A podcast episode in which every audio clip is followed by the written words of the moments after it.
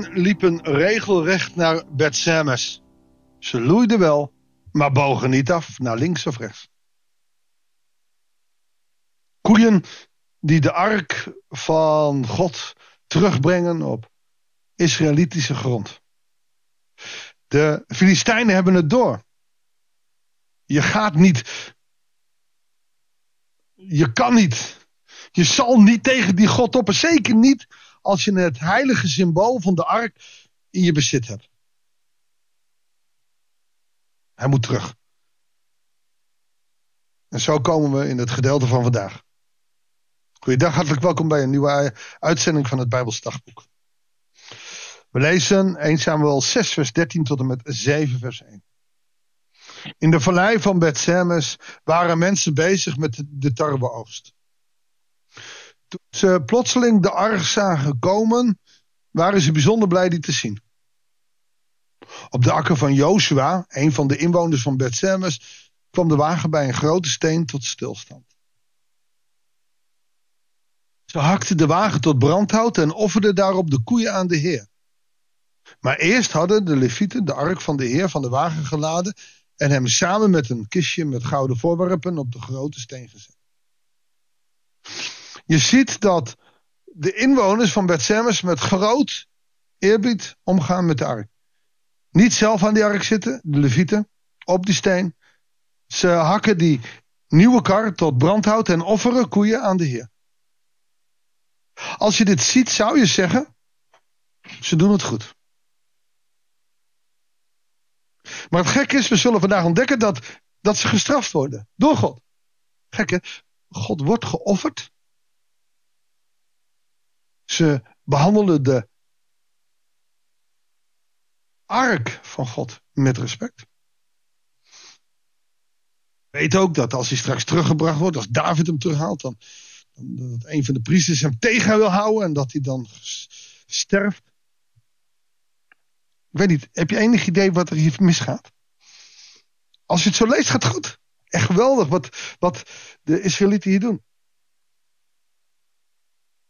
Maar het is, het is en blijft spannend. En, en, we zullen straks ook gaan zien, hè, maar, waarom dan? Dat is de vraag die we ons veel moeten stellen. Maar eerst hier. Ik geef je misschien even. Wat gaat er hier mis? De bevolking van Beth-Semes bracht die dag brandoffers en vredeoffers aan de Heer. De vijf Filistijnse stadvorsten hadden alles gezien en keerden nog dezelfde dag terug naar Ekron. Vijf gouden gezwellen gaven de Filistijnen ter genoegdoening aan de Heer. Dat zijn gouden uh, gezwellen. Ja, zeg maar gewoon gouden, gouden klompjes. Maar in de vorm van een gezwel als symbool dat we daardoor gestraft zijn, ook de muizen. Vijf gezwellen, één voor Asdod, één voor Gaza, één voor Askelon, één voor Gat en één voor Ekron. Daar waar de bevolking zo zwaar gestraft is. En ook nog zoveel gouden muizen als er plaatsen waren uh, in de vijf Filistijnse vorstendommen. Van de sterke vestingstad tot het meest afgelegen dorp. De grote steen in de akker van Joshua Bethsemes, waarop de ark van de Heer heeft gestaan, herinnert tot op de dag van vandaag deze gebeurtenis. Maar de bevolking van Bethsemes wordt gestraft. Omdat ze naar de ark van de Heer hadden gekeken. Er stierven in die dag 70 inwoners. En het volk treurde, want de Heer had hen zwaar getroffen. De burgers van Bethsemes vroegen zich af: wie kan de aanwezigheid van de Heer, de Heilige God, verdragen? Bij wie kunnen we de ark kwijt? Allereerst dit. Ze hadden het heel netjes gedaan. En dat zie je in het christelijk geloof ook. Mensen die zeggen, nou, ik ga naar de kerk, ik geloof. En, en toch zie ik de zegening van de Heer niet. Het eerste wat ik hierop wil zeggen, kan zeggen, is, ze doen het op een eigen manier. Ze doen het netjes. Ze pakken de rituelen. Um, ze halen de levieten erbij, die moeten het doen. Die zijn er vooruit gekozen. Die mogen de ark dragen, dus zij moeten hem van de kar halen. Ze offeren de Heer. Is eigenlijk ook niks mis mee. Maar wat je in dit hele verhaal niet ziet, is dat ze niet God raadplegen. Die ark staat symbool voor de aanwezigheid van God. En in deze wereld is er geen mens die de aanwezigheid van God kan velen, die hem kan zien. Als God zich nu presenteert op aarde, zijn we allemaal blind. We zullen allemaal verschrompelen door zijn grootheid. En, en de mensen van Bethsemes, die denken dat ze wel even die ark op een steen kunnen zetten, die, die brandoffers brengen. Nergens gezegd, doe dit of doe dat.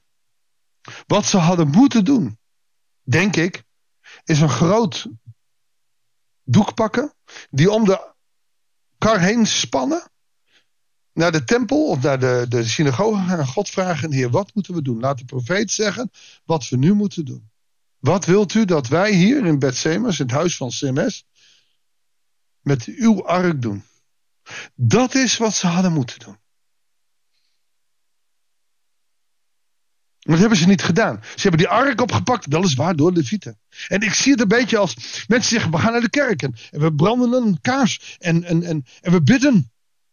Maar dan? Heb jij God alles gevraagd? Wat moet ik doen om u te dienen? Wat heeft u van mij nodig?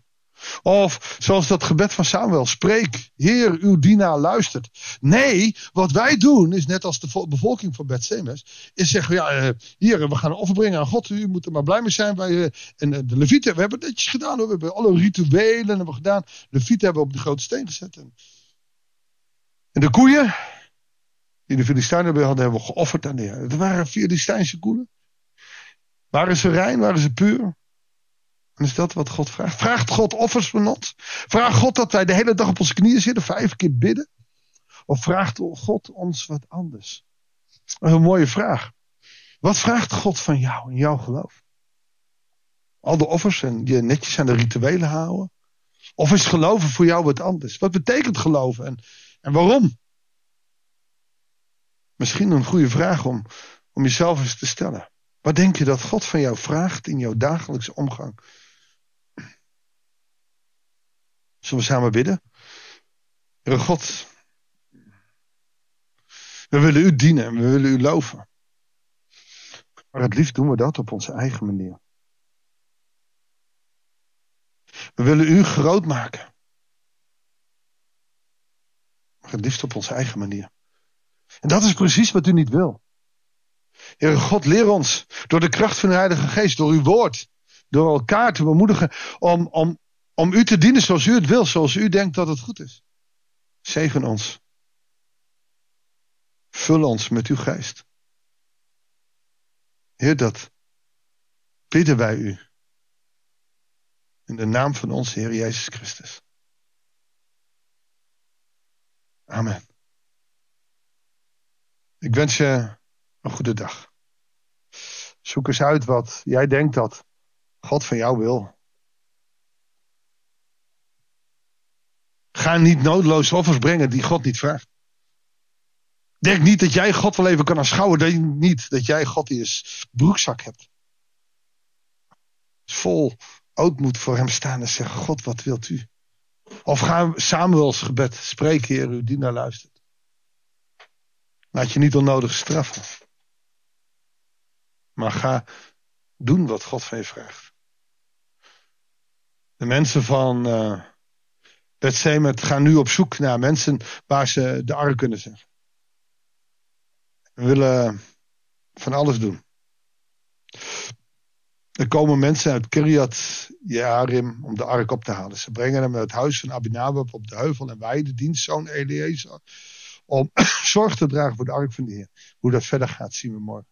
Ik wens je voor nu een goede dag. Ik hoop dat je er eens over nadenkt en met anderen over praat.